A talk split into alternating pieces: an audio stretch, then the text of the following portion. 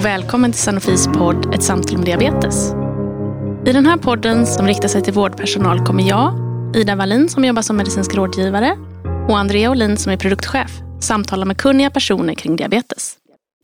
I det här poddavsnittet pratar vi med Björn Eliasson om vad som komma skall gällande läkemedel och teknik för diabetes. Björn är professor och överläkare vid Diabetescentrum på Sahlgrenska universitetssjukhuset i Göteborg. Välkommen tillbaka till podden Björn. Tack så mycket. Jag tänker att vi behöver ingen, ingen inledning för du är återkommande här utan vi kör rakt in i frågorna. Funkar det? Japp. Och då är det ju spännande. Vad tror du i stora drag är kommande på läkemedelsfronten gällande diabetes? Om vi börjar med insuliner då så eh, finns det ju eh, snabbverkande insuliner eh, och det kan hända att det kommer ytterligare ett ultrakortverkande eller ultrasnabbverkande insulin då, som kanske kan innebära små fördelar för vissa patientgrupper. När och hur det där kan tänkas komma, det vet vi inte riktigt, men det är ganska långt i utvecklingen. När det gäller superlångverkande insuliner som är längre än de som redan finns på marknaden så återstår också att se när sådana kan komma. Eh, de är studerade och de eh, är säkra Eh, men frågan är då vilka patientgrupper som skulle kunna tänkas ha glädje av detta. Eh, de är testade framförallt vid typ 2-diabetes och de kan ju ha alltså en, en, effekt som är uppemot en vecka lång. Sen tror jag, bara för att runda av detta med insuliner, att nya sådana här biosimilarer, kopior av de nuvarande insulinerna kan dyka upp. Flera av. Och det är väl bra för då får vi konkurrens och får vi prispress. Annars då, det som är det hetaste just nu det är de inkretinbaserade behandlingarna. Det är GLP-1-analoger eh, eller den typen av läkemedel som verkar på Eh, GLP-1-receptorer Eh, eller GIP-receptorer eller andra eh, receptorer. Det finns ju sådana som är bra och som är marknadsledande kan man lugnt säga då vid typ 2-diabetes, speciellt vid fetma och hjärt-kärlsjukdom. Det utvecklas nya sådana här som man, där man kombinerar effekten av olika sådana här hormoneffekter, GLP-1 i kombination med GIP-effekter och de har nog en potential att vara till och med strået vassare än de som vi redan har. Det här är en riktigt stor och het fråga och eh, det kan hända att vi har sådana läkemedel, åtminstone det första av dem, på apoteket eh, inom storleksordningen 1 till 2 år gissningsvis. Den andra stora grejen på våra, eh, i vår behandling nu, SGLT2-hämmare, där ser jag inte någon direkt potential.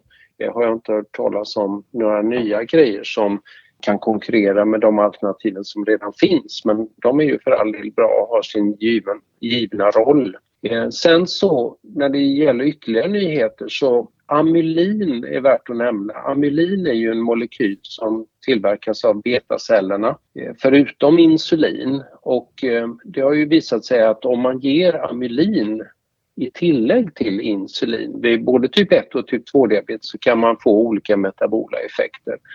Och då finns det en sån molekyl som är under utveckling. Det kan man också ta som en analog spruta en gång i veckan och det är liksom visat att den har goda effekter, metabola effekter på olika sätt och vis. Så det skulle kunna vara så att det här faktiskt kan utvecklas till ett läkemedel som man kan ge eh, vid typ 2-diabetes i första hand. Men det finns också möjlighet att det kommer utvecklas sådana här som man kan ge vid typ 1-diabetes, möjligen direkt i sprutan i kombination med insulin.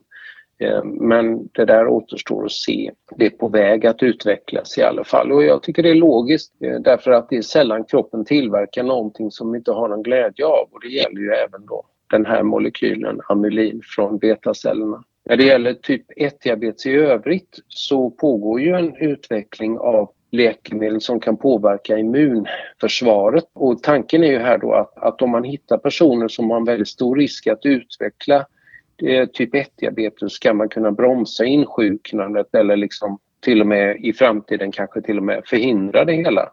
Det finns några studier som visar att det finns en signal som talar för en effekt där. Eh, men det är mycket utveckling som pågår men det är naturligtvis en väldigt het fråga inom typ 1 diabetes. Och sen så kan man väl bara avslutningsvis säga här då att Förmodligen kommer väl kombinationer av de här olika grejerna som jag nämnt nu då kunna eh, göra ytterligare nytta. Men det, det får vi se då. Allting måste testas var och en på egna ben så att säga och sedan i kombination innan vi kan ta det i användning i diabetesvården. En uppföljande fråga är där, eh, de här immunoreglerande läkemedlen, är det, är det antikroppar? Nej, det, nej, det är det ju inte utan det är ju läkemedel där, det är ju biologiska läkemedel som man kan använda inom sjukvården eh, redan idag men det då är det ju för att till exempel behandla reumatiska sjukdomar eller andra immunologiska tillstånd. Spännande. Mm, mm, verkligen, jätteintressant. Ja. Men det var ju inom läkemedelsfronten. Om man tänker på teknik inom diabetes, vad eh, finns det för spaningar där framåt? Ja, spaningarna. Ehm, jag har själv inte varit på något sånt här teknikmöte men jag vet ju att det finns ju en sån här kontinuerlig glukosmätare som man skannar på armen. Det kommer ju en ny version av den ehm, förmodligen ganska snart och den kommer ju eh, kunna skicka information mycket snabbare. Där man blir man inte lika beroende av att skanna. Det krävs liksom ingen manuell åtgärd där på det sättet som vi använder oss nu då. Eh, den nyaste versionen som kommer, oklart när, eh, den ser ut som att den bara har fördelar egentligen, inte några nackdelar. Den är mindre, den är liksom, har god räckvidd, den är enkel att sköta eh, men tillför ytterligare funktion här då. Sen så när det gäller kontinuerliga glukosmätare så vet jag nog inte riktigt vad som är på gång förutom att de Eh, apparater och manicker som vi har idag då, de utvecklas ju naturligtvis och leverantörerna konkurrerar ju med varandra.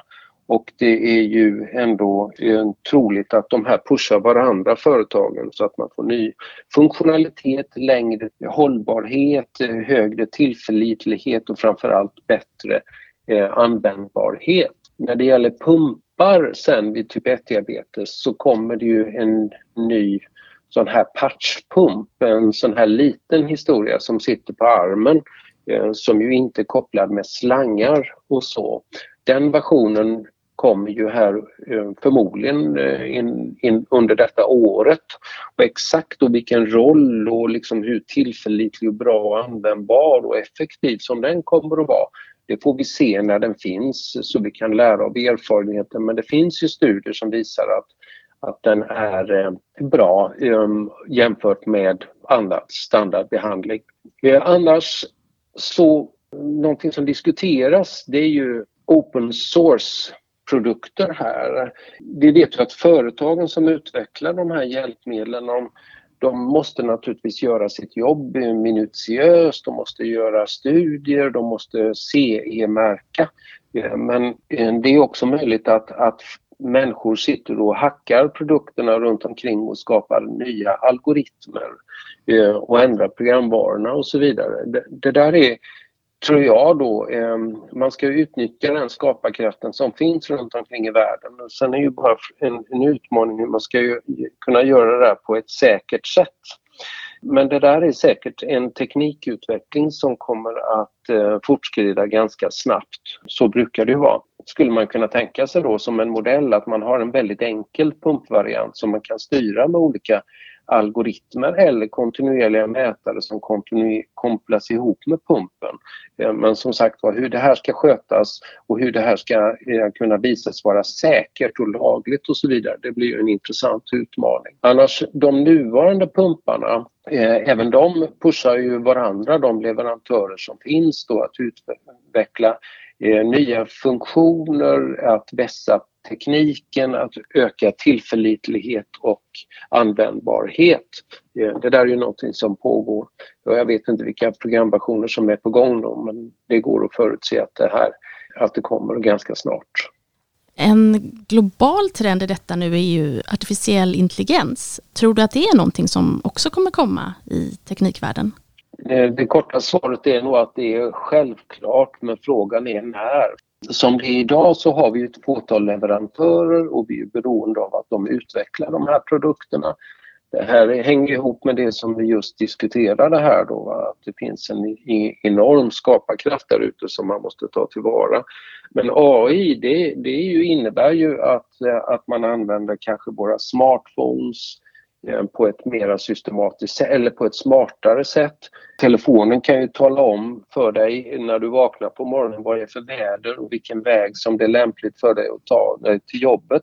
Och eh, på det sättet är det naturligtvis väldigt lockande att tänka sig att pumpen också föreslår när den kollar dina mätvärden, den kollar din kalender, att den föreslår ungefär hur du ska dosera ditt insulin till exempel. Det, det här är ju självklarheter men här måste ju eh, de här olika teknikföretagen, de måste ju samarbeta med eh, andra parter som gör smarta program då som utnyttjar den information som ändå hamnar i telefonen. Men eh, det här är ju jättespännande. Vi får se med vilket tempo bara som det här eh, kommer. Men att det kommer det är ju liksom ganska självklart. Eh, skulle du säga att det har funnits idéer och tankar som kanske var heta för några år sedan men som idag har svalnat och inte är så aktuella? Ja då, visst. Eh, det finns ju, det kommer ju alltid upp nya idéer. På stora sådana här vetenskapliga möten så dyker det upp alltid nya mekanismer eller molekyler eller liksom behandlingar eh, som man testar och som man tycker att ja, det här borde nog kunna fungera på olika sätt och vis. Det där kommer ju fortlöpande. Några sådana exempel är ju det här med till exempel att ta insulin oralt då via ja, munnen, svalget, magen. Eh, det där är ju väldigt svårt att få till på ett tillförlitligt sätt. Vi måste komma ihåg att en sådan behandling med nya läkemedel överhuvudtaget eller insulin i synnerhet då, det måste vara likvärdigt och lika säkert och effektivt som det som vi har idag. Är det inte likvärdigt avseende effekt eller säkerhet, ja då kommer vi inte använda det. Det är ju inte rimligt, speciellt inte om det kommer till en högre kostnad. Men det här med oralt insulin då, det är väldigt svårt att få till då. Eh, och sen kan man tänka miljömässigt också att förmodligen krävs det mycket insulin att man tillför det för att rätt mängd ska kunna hamna i blodet. Så att den grejen är ganska sval. Samma sak så är det väldigt svårt att utveckla insuliner som fungerar beroende på sockernivån i blodet. Det är också en väldigt cool idé men det eh, har visat sig väldigt svårt att genomföra i praktiken. Det kan hända jag har fel, det kan hända det kommer någonting sådant men eh, vad jag har kunnat utläsa och vad jag har hört eh, så ser det eh, inte helt uppmuntrande ut. Sen när det gäller typ 2-diabetes så har det funnits vissa läkemedelsklasser eh, som har varit aktuella och som eh, det finns stora fina studier i vissa fall eh, som har talat för att det ska kunna liksom ha vissa effekter. Men sen är det ofta biverkningsproblem som dyker upp. Det måste inte vara stora problem för många individer men det räcker med att det är några patienter som får till exempel leverbiverkningar eller någon annan biverkan så, så inser ju företaget att ja, det här går ju inte för att det här kommer bara att bli problem. Och det har kunnat handla om läkemedelsklasser som glukagonreceptor eh, antagonister eller glukokinasaktiverare eller 11 beta hydroxysteroid dehydrogenasinhibitorer och så vidare. Eh, så att alla de här eh, som jag just nämnde då, de har studerats i olika former och de kan påverka blodsockret och kanske ibland vikten att den går ner men vid några tillfällen går den upp också. Men, men det är inte någon av de här som står på tröskeln idag och eh, kan hända att man kan man använda sig av mindre doser av vissa av de här och så ska man kunna använda dem i kombination med någonting annat då. Men, men det är svårt att se idag att det liksom eh, är realistiskt att någon av de här läkemedelsklasserna ska kunna göra intrång i närtid och, och dyka upp på våra apotek. Det var lite tungvrickande de där sista. Eh, kul. Exakt.